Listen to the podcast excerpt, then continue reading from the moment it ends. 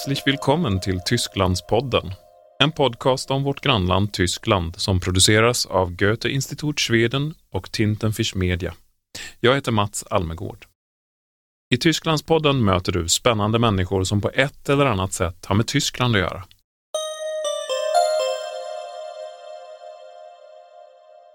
Tjugosjunde avsnittet av Tysklandspodden handlar om flerspråkighet, eller Mehrsprachigkeit som det heter på tyska. För att veta lite mer om vad det är för något har jag ringt upp två forskare.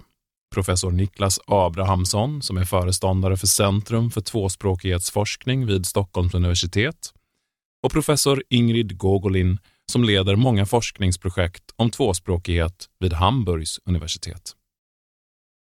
Vad är egentligen två eller flerspråkighet? Niklas Abrahamsson menar att många har en föreställning om vad det är men att det ofta är en föreställning som är rätt sträng. Det här med att definiera tvåspråkighet är ju eh, det är väldigt olika. Alltså när man frågar folk på gatan så, där, så tenderar man, folk tenderar ju att ha en ganska rigid liksom, eller så här, eh, konservativ syn på vad två eller flerspråkighet är för någonting. Att det finns vissa kriterier som måste uppfyllas. Så I regel är det ganska ganska hårda kriterier folk har. Och det typiska är att folk tycker att en tvåspråkig person är en person som kan två språk precis lika bra och på infödd nivå, om man säger så. Det är liksom den här föreställningen folk har. Och när man, när man pratar med folk som faktiskt är tvåspråkiga så tillvida att de låt säga är invandrade till Sverige och pratar svenska på en väldigt hög nivå så säger de ändå att nej, men jag är inte tvåspråkig för jag lärde mig svenska när jag var äldre och sånt där. Det finns en föreställning om att man måste ha lärt sig två språk från början och sånt där. Eh, och forskningen är ju inte alls så där hård liksom i, i den definitionen finns. Eh, om man säger att någon är simultant tvåspråkig, det innebär att man har lärt sig två språk från början, eh, ofta då i familjen. Att en förälder har talat ett språk och den andra föräldern har talat ett annat språk. Eh, så, och, det, och, det, kallar vi för simultan utveckling av två språk, alltså samtidigt, att man utvecklar två språk samtidigt. Och det innebär ju då att man utvecklar de här två språken på på det sätt som man utvecklar sitt modersmål. Man, resultatet blir att man har två modersmål helt enkelt, eller två första språk. Eh, och, eh, sen, och det där brukar man skilja då ifrån eh, successiv tvåspråkighet eller sekventiell tvåspråkighet. Eh, det vill säga att man först lär sig ett modersmål och sen på grund av olika omständigheter så börjar man lära sig ett annat språk lite senare i barndomen eller senare i livet. Det vill säga att man först etablerar ett språk och sen successivt lägger på då och blir tvåspråkig successivt eller sekventiellt. Ehm, så det, redan där finns det liksom en definitionsskillnad på om man lär sig samtidigt eller liksom efter varandra. Men just det där med ehm, alltså hur Eh, hur bra man blir eller hur flytande man är eller vilken kompetens man har i båda språken. Det är också en sån här sak som eh, vi forskare inte lägger så stor vikt vid utan vi har en ganska liberal definition av vad som är tvåspråkighet. Och vi skulle, alltså, och man kan gå ner redan på, alltså så fort du har eh, ditt modersmål plus ett annat språk som du på ett eller annat sätt fungerar på Eh, låt säga om du flyttar till ett nytt land och lär dig språket så att du kan fungera någorlunda så är man ju tvåspråkig i, på något sätt. Va? Och även om du, och till och med om du lär dig ett språk i skolan som främmande språk. Jag menar, det är väldigt få personer i Sverige som är enspråkiga. Det är, det är väldigt svårt att hitta enspråkiga människor om man, om man plockar med språk som folk faktiskt kan, mer eller mindre. I själva verket är det väldigt många flerspråkiga i Sverige. inte minst personer som har invandrat och som har med sig något modersmål eller flera modersmål. Ehm, eller ett modersmål plus något annat språk de har lärt sig i hemlandet eller kanske flera språk de har lärt sig i hemlandet plus de språk de lär sig i skolan i Sverige. Så det, det, är en väldigt flerspråkig bild eh, egentligen om man tittar på samhällsnivå. Eh, så. Och för att återkomma till den här, den här bilden folk har av vad, vad som kan klassas som tvåspråkighet så har vi det här med kompetens. Hur, hur hög kompetens måste man ha i ett språk för att klassas som tvåspråkig? Och där, det är samma sak där. Alltså att, eh, egentligen skulle man kunna säga att kan du någonting av ett annat språk så är du per definition tvåspråkig. Ehm, och, en, och en, ytterligare en sak är ju det här med balansen mellan språken. Folk tror ofta att man måste vara balanserat tvåspråkig, alltså lika bra på båda språken och sådär. det, det där är ju en, någonting som är ganska ouppnåeligt. Ehm, det vet vi ju från forskning att så fort du hamnar i en situation där ett språk är ett minoritetsspråk så kommer du aldrig utveckla det språket på samma sätt som om det vore ett majoritetsspråk. Så att obalanserad tvåspråkighet är normalfallet, skulle jag vilja säga. Så det finns en mängd olika sätt att definiera tvåspråkighet eller flerspråkighet.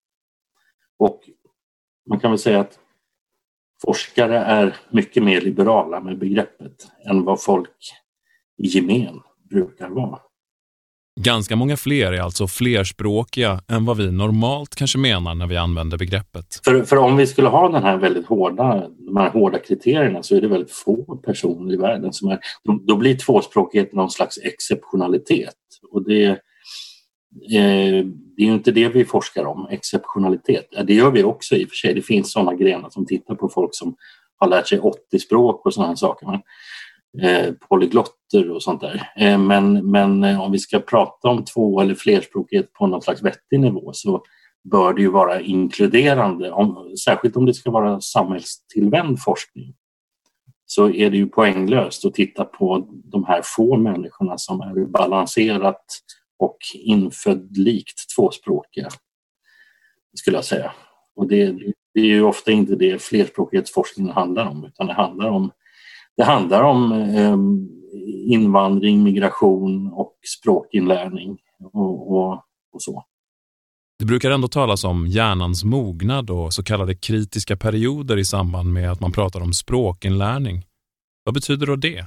Ja, alltså forskning om kritiska perioder eller mognadsbegränsning, hjärnans liksom mognad och sånt där och vilken betydelse det har för människans förmåga att eh, tillägna sig språk. Och då, då pratar vi om förmågan att tillägna sig språk på naturlig väg, inte via klassrummet eller via undervisning. För jag menar undervisning, att lära sig språk via undervisning, det, det visar sig att där är ju vuxna och tonåringar och lite äldre barn, de är ju mycket bättre än yngre barn på den uppgiften.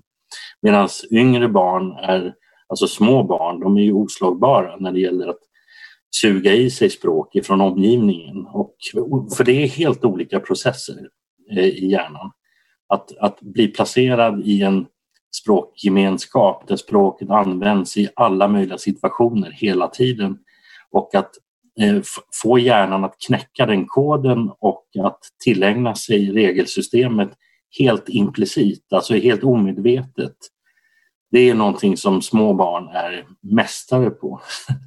Det är, det är liksom det enda sättet små barn kan lära sig någonting på egentligen. Medan äldre barn eh, eh, eh, inte är lika bra på det och inte tonåringar och framförallt inte vuxna. Och det tycks då som att hjärnan, eh, om, eh, om det är en ne rent neurokognitivt eller neurologiskt eller om det är eh, någonting annat mer psykologiskt som gör att vi ställer om våran inlärningsmetod. Det vet vi inte riktigt än eh, vad det där skulle vara. Men vi vet att barn använder delar av hjärnan för det här som vi brukar kalla för eh, det procedurala eh, minnessystemet eller det implicita minnessystemet. Alltså när vi lär oss saker omedvetet. Och det är liksom samma system som vi använder när vi lär oss att, gå eller cykla och den där typen av väldigt kroppsliga eh, alltså minnessystem. Medan eh, vuxna använder mer det här medvetna, mer explicita eller deklarativa minnessystemet som handlar om att skaffa sig kunskap, alltså ren faktakunskap. Och om man tittar på språkundervisning i skolan så är ju den väldigt lik all annan undervisning i skolan. Alltså den är ju faktabaserad.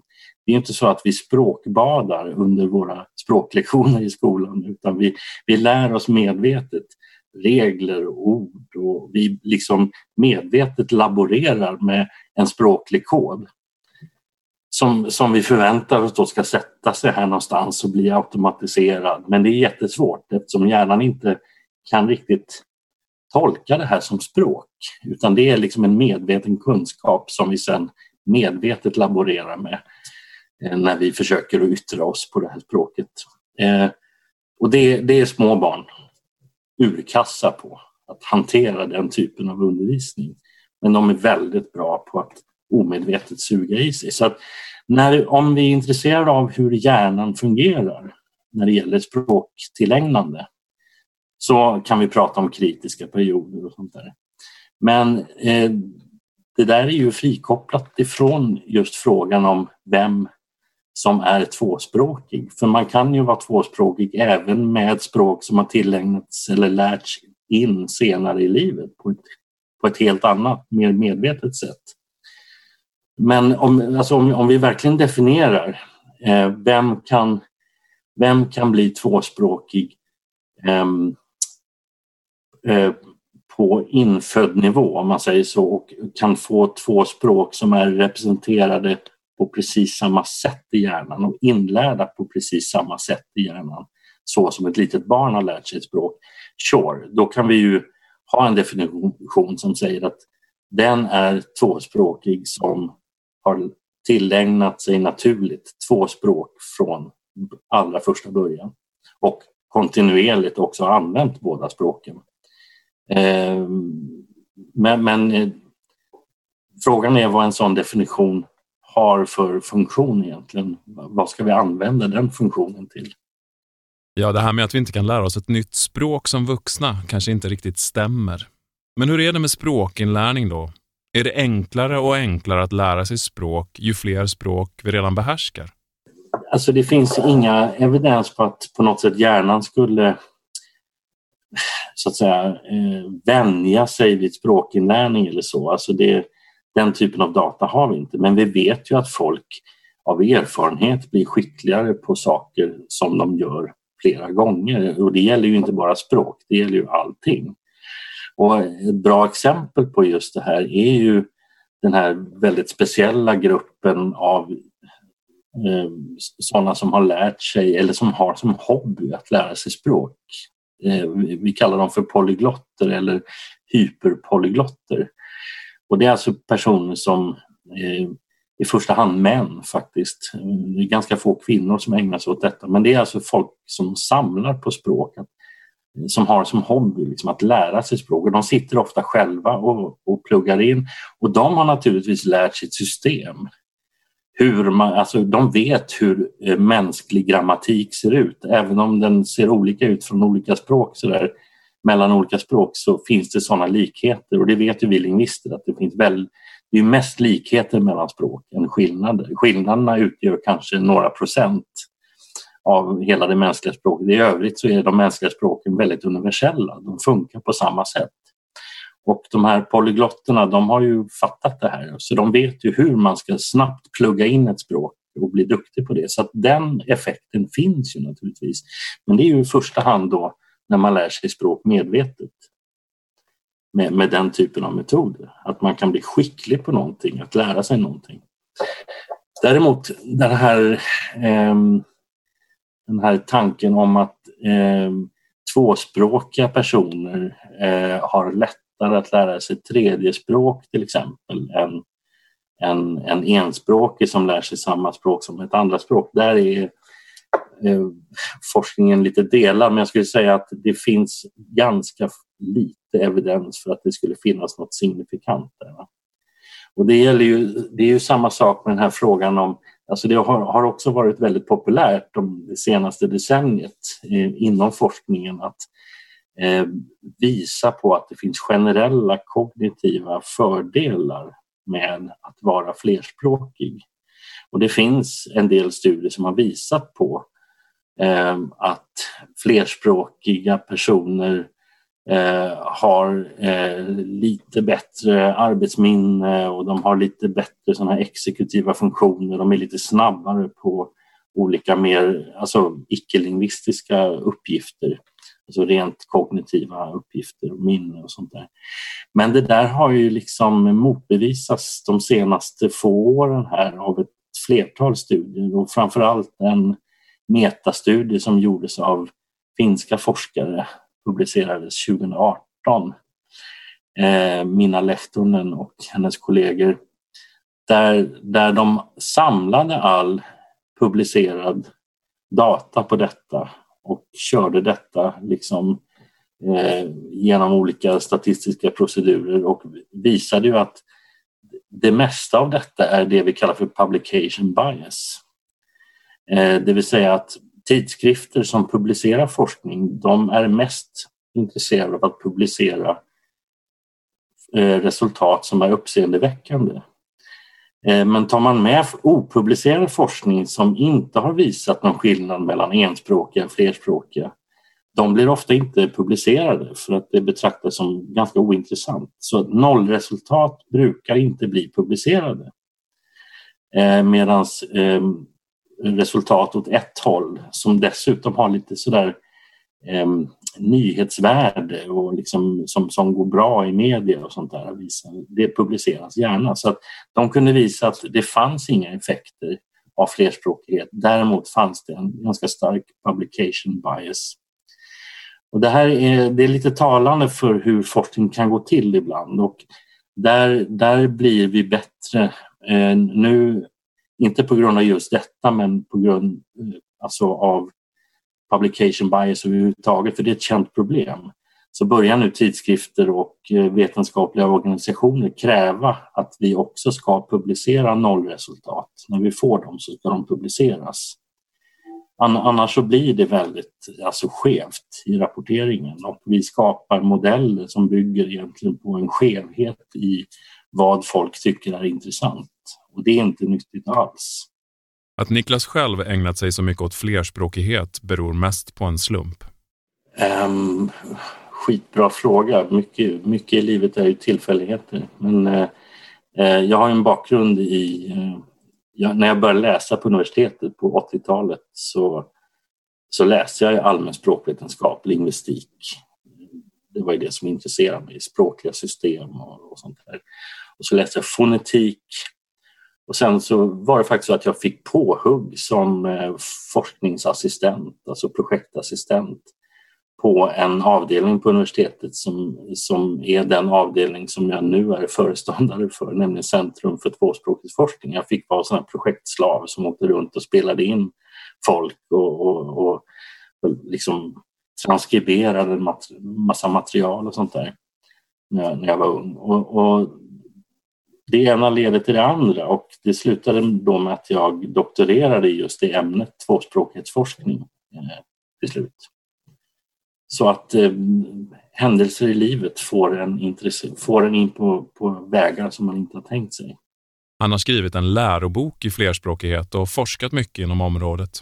Så forskningsfältet är ju stort. Det är ju jättestort. Va? Eh, eh, och det har hänt mycket. Alltså det forskningsfält vi kallar för Second Language Acquisition eller SLA, det är någonting som dök upp i, man kan säga i början på 70-talet eh, och sprang liksom ur eh, den nya lingvistiken som kom då, alltså med Noam Chomsky och, och de här stora gubbarna och, och tanterna för den delen. Um, så, så det, var, det var väldigt mycket input från lingvistik men även pedagogik och sociologi och psykologi. Eh, och det där fältet formades sen under ett par, tre decennier som ett eget fält. Vad som har hänt, skulle jag säga, de senaste två decennierna är att fältet återigen har börjat grenas ut. Och det, och det beror på att det, dels på att eh, det finns en stark trend med tvärvetenskap, att man jobbar ihop med andra fält, andra discipliner som gör att det här specifika fältet har fått nu förgreningar ut i psykologi, neurokognition, eh, sociologi och, och, didaktik och sånt där.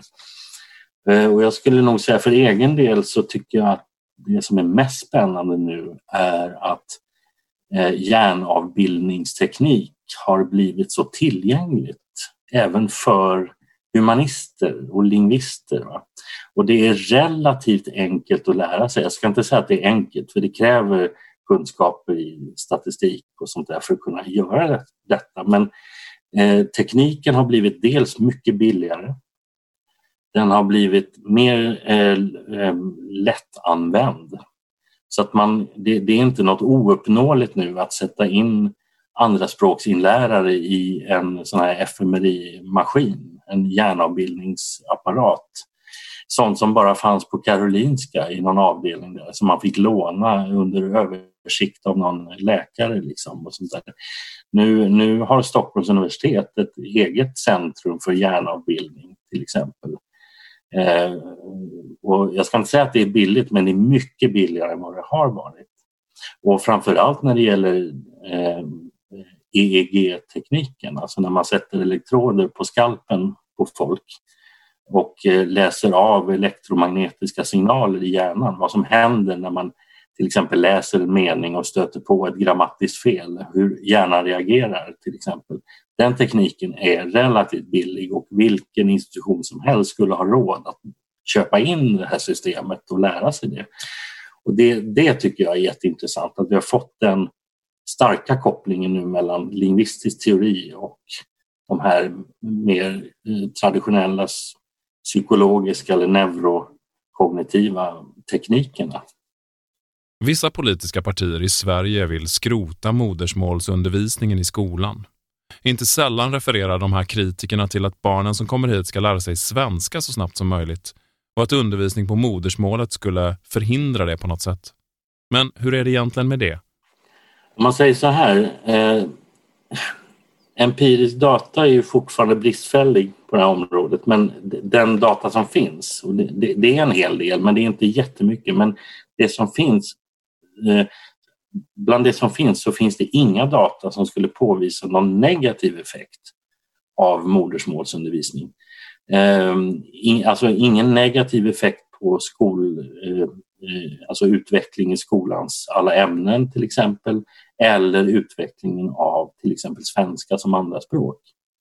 Utan där det finns skillnader så är det alltid så att de elever som läser modersmål ett par lektioner i veckan, för det är det det handlar om, inte mer, eh, så har det positiva effekter på deras inlärning av svenska när det gäller inlärning av läsning och skrivning till exempel det är, ju, det, det är ganska tydligt att eh, om, du, om du får lära dig att läsa och skriva på ditt modersmål som du behärskar bäst, om du kan göra kopplingen mellan ljud och bokstäver på det språk som du faktiskt begriper, så har det väldigt positiva effekter på utvecklingen också av svenska. Ehm, men jag ska inte överdriva heller och säga att, och, och säga att det är liksom jättetydligt att bara man får modersmålsundervisning så blir man en succé liksom, som elev på alla ämnen. Men det finns inga, ingen korrelation åt andra hållet. Att om du får modersmålsundervisning så blir du sämre på svenska. Den typen av data finns inte. Eller den typen av resultat är det ingen som har kunnat lyckas producera. Så när det gäller då liksom nyttan med modersmålsundervisning så kan man, tycker jag, att för det första så ser vi en tydlig nytta med att utveckla modersmålet. För där ser vi det, det har effekter på utveckling av modersmålet. Det är inget att snacka om. De som har, läser modersmålsundervisning jämfört med de som inte gör det, de kommer att behärska modersmålet bättre. De kommer att utveckla ett eh, skolspråk på modersmålet till exempel. De kommer lära sig att läsa och skriva, de kommer att utveckla ett akademiskt tänkande på modersmålet som de som inte läser modersmål inte kommer göra på det språket. Och det är en vinst i sig, anser jag. Kan vi visa på att det finns en sån vinst så räcker det som argument för att det här är en bra grej för de här eleverna att utvecklas faktiskt på sitt modersmål. För det är ju en rättighet till exempel för svenska ungar att utveckla sitt modersmål och utveckla sitt tänkande och det akademiska språket och det akademiska tänkandet på modersmålet. Det är ju det är liksom en mänsklig rättighet för majoritetstalare. Så man kan ju undra varför är det inte en rättighet för alla? Det är det ena, men kan vi dessutom visa på att det finns, eh, om än marginella, alltså dock eh, effekter på övrig skolutveckling, alltså att man får bättre kunskaper, bättre betyg i andra ämnen om man också får stöd i modersmålet. Ett bra exempel är det här med matematikundervisning. Eh, där man ser eh, ganska direkt att elever som inte behärskar svenska så bra, om de får stöd i sin matematikundervisning på sitt modersmål så utvecklar de matematiken mycket bättre. Och där är ju frågan, grejen är ju det att barn har ju inte all tid i världen på sig. Eh, de måste ju faktiskt under sin barndom lära sig matte, de måste ju ha en chans att göra detta. Och är det så att deras svenska inte riktigt är det rätta verktyget för att lära sig ett ämne som matte till exempel. Så varför ska vi beröva dem den möjligheten att under barndomen lära sig ett så viktigt ämne som matematik genom att liksom dra bort modersmålsstödet där. Det här är en, jag, jag skulle se det som en jätteinvestering för samhället att vi faktiskt hjälper eleverna så gott det går. Så, eh, men, men som sagt, det finns, det finns en populär uppfattning om att får man undervisning i sitt modersmål ett par gånger i veckan, ett par lektioner i veckan, så drabbar det utvecklingen av svenskan och det är inte sant. Det, det finns inga evidens som stödjer den tanken. Utan detta är en symbolpolitik, att man tar bort någonting som man anser vara onödigt. Men det hjälper inte svenskutvecklingen, det kan jag garantera. Det finns inget som stöder det. Det var professor Niklas Abrahamsson som är föreståndare för Centrum för tvåspråkighetsforskning vid Stockholms universitet. Nu har det blivit dags att hälsa en tysk forskare inom tvåspråkighet välkommen, professor Ingrid Gogolin från Universitet Hamburg. Precis som Niklas Abrahamsson menar hon att det finns betydligt fler tvåspråkiga än vad vi normalt tänker oss att det gör. Ja, faktiskt är de flesta av oss flerspråkiga. Så ist es. Så ist es. Also wenn wir, wenn wir das Gefühl haben, wir sind einsprachig, weil wir vielleicht am besten äh, Schwedisch sprechen, dann ist das ein, ein, Gefühl, das sich sozusagen historisch tradiert hat, ähm, weil man das so nennt. Aber mit unserer Sprachpraxis hat das eigentlich nichts zu tun. Die ist eigentlich mehr verankert in der Mehrsprachigkeit. Flerspråkighet kan man exempelvis tala om när det handlar om olika dialekter eller sociolekter som någon behärskar och som skiljer sig utifrån användningsområde och tidpunkter. Ingrid Gogolin berättar att forskningen tidigare kanske mest fokuserat på en aspekt av språket, men att man nu ser det på ett mer nyanserat sätt. Ja, das hat sich, das hat sich ganz stark verändert. Ähm, diese neue Auffassung von Mehrsprachigkeit hat es diese Auffassung von Mehrsprachigkeit hat es immer schon gegeben. Nur ist bislang die Spezialisierung so, dass sich die, äh, dass sich die Forscher, Forscherinnen und Forscher auf jeweils einen Aspekt davon richten. Also die einen haben mit den Nationalsprachen gearbeitet, die anderen haben mehr mit Dialekt gearbeitet und so weiter. Und was jetzt neu entsteht, ist, dass man das in einem Gesamtkonzept betrachtet und versucht eben die, die wechselseitigen Abhängigkeiten, äh, die es eben in diesem Gesamtkonzept auf jeden Fall gibt, dass man versucht, denen äh, auf die Spur zu kommen. Das ist das Neue. Nicht das Konzept an sich, nur die Art der Behandlung äh, des Konzepts in der Forschung, die ist neu. Det händer en hel del inom flerspråkighetsforskningen alltså.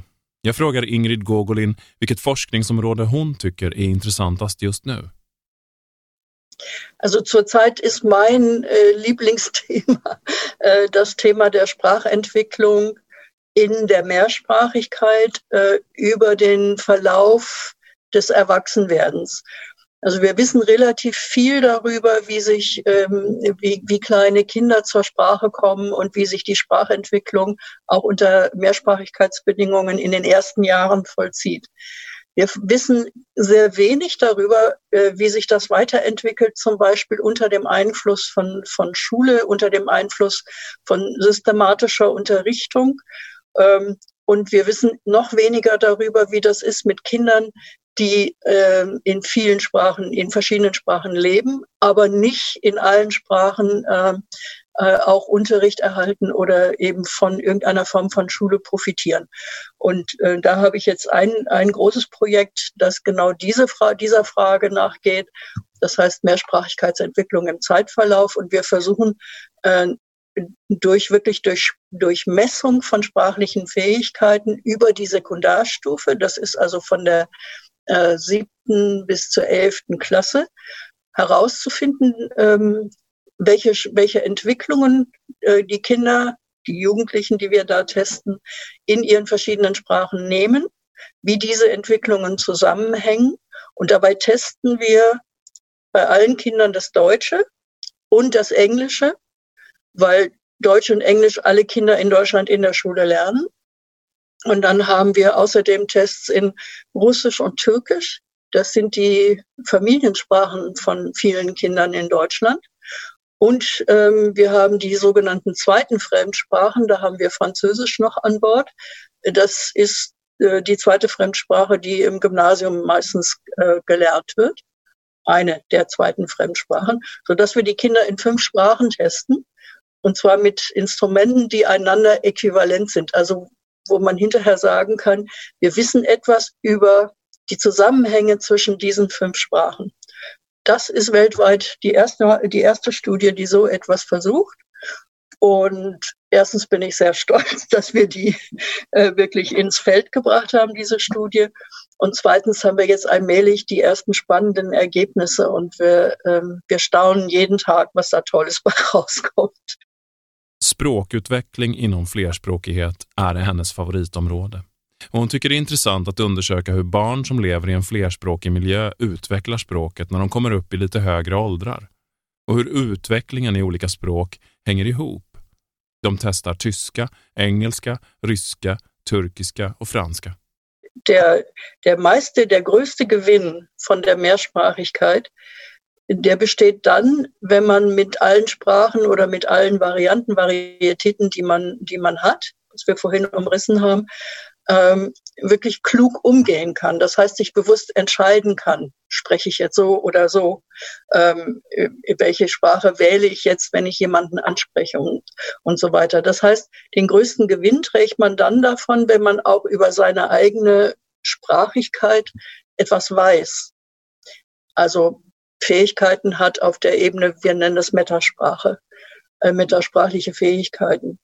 Ähm, dann kann ich mit meinen Sprachen spielen. Dann kann ich, ähm, dann kann ich wählen, dann kann ich zum passenden Zeitpunkt, im passenden Augenblick, in der passenden Situation die richtige Form wählen. Wenn ich das nicht kann, ähm, dann äh, habe ich von Mehrsprachigkeit auch sehr viel weniger. Dann ist es nicht so ertragreich. Ingrid Gogolin menar att den största fördelen med flerspråkighet är att man blir medveten om hur språk är uppbyggda och kan ha fördelar av att känna till språkets metanivåer. Jag berättar för henne om vissa svenska politiker som kritiserar hemspråksundervisningen och så frågar jag hur det är i Tyskland. Finns det egentligen hemspråksundervisning i någon av de 16 delstaterna? Ja, ja, ja, das ist sehr unterschiedlich zwischen den Bundesländern. Äh, wir haben einige Bundesländer, in denen gibt es das gar nicht. Einige Bundesländer, in denen gibt es äh, ein solches Angebot für ungefähr 20 Sprachen in Deutschland äh, und einige Bundesländer, in denen gibt es ein kleines Angebot. Also, aber wie immer äh, in den 16 Bundesländern, in jedem Bundesland finden Sie ein anderes Modell. Und in keinem Bundesland in Deutschland ist es so wie in, in Schweden. Also dieser, äh, dieser Anspruch von herkunftssprachlichem Unterricht, dieses, dieses Angebot erreicht weniger als zehn Prozent der Kinder mit ähm, anderen Herkunftssprachen als Deutsch ähm, insgesamt, wenn man die Bundesrepublik im, im Durchschnitt betrachtet. Also wir haben da eine ganz schlechte Lage. Was ich aber aus unserem Metz-Projekt, also dem, was ich vorhin beschrieben habe, noch berichten kann, ist, äh, diesen schwedischen Politikern kann man etwas entgegenhalten. Äh, wir haben festgestellt, dass die Kinder, die besonders gut ihre Herkunftssprachen schreiben können in unseren Tests, so über die Schul über die Sekundarstufe hinweg, auch besonders gut Deutsch können, schreiben können und auch besonders gut Englisch schreiben können.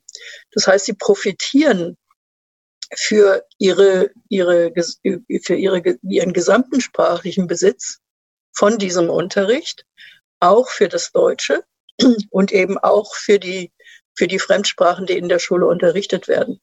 Insofern ist das, was diese schwedischen Politiker sich da überlegen, ähm, ist es populistisch, aber ich würde sagen, es ist nicht, man sagt es so schön, evidenzbasiert. Also in der Forschung äh, gibt es keine Hinweise darauf, dass das tatsächlich was Gutes bringen würde, wenn man den Kindern den herkunftssprachlichen Unterricht wegnimmt. Nej, lika utvecklat som i Sverige är det inte. Situationen är dålig i Tyskland, säger hon och lägger till att det ser faktiskt ändå lite olika ut från delstat till delstat. Men utifrån sin egen forskning kan hon berätta för de svenska politiker som tycker att hemspråksundervisning är onödigt att forskarna bevisat att barn som behärskar sitt hemspråk skriftligt, de blir också bättre på att skriva på tyska och engelska. Hemspråket gör alltså att de blir bättre i andra språk. Hon tycker att de svenska politikerna som vill strypa hemspråksundervisningen är populister och att de inte har någon som helst koll på forskningsläget och fakta. Och några delstater i Tyskland diskuterar om man inte ska ha mer hemspråk. Nordrhein-Westfalen och Hamburg är två exempel. Hon frågar om det är meningsfullt att inte investera i hemspråk eftersom det är ju så bevisat att det hjälper tyskan, eller svenskan i vårt fall, och ytterligare andra språk.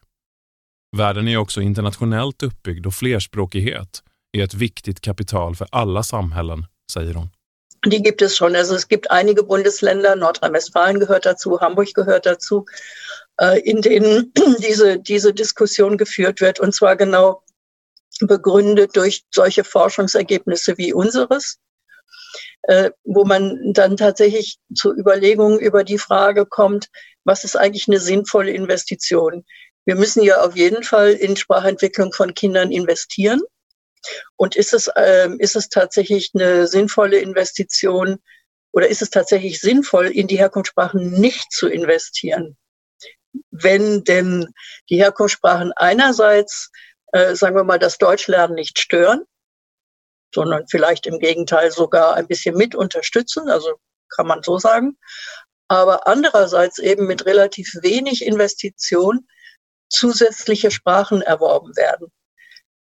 Und in solchen Gesellschaften wie wir heute, also Schweden, Deutschland unterscheidet sich da nicht, äh, mit trotz Corona äh, globalen Kontakten, mit, mit Internationalität in der, in der Wirtschaft und in allen möglichen Kontexten ist Mehrsprachigkeit, also das Verfügen über mehr als eine Sprache jetzt in dem, in diesem klassischen Sinne äh, für eine Gesellschaft eigentlich ein Kapital.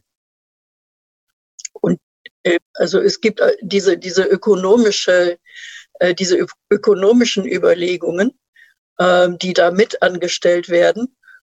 Das überlagert vielleicht ein bisschen die pädagogischen Überlegungen, aber ähm, sie zielen auf jeden Fall in die gleiche Richtung. Und insofern haben wir da Verbündete gewonnen. Du har hört forskarna Niklas Abrahamsson och Ingrid Gogolin berätta om flerspråkighet och hemspråksundervisning. Tysklandspodden produceras av Tintenfisch Media AB för Goethe Institut Schweden. Ljudproducent är Andreas Tilliander.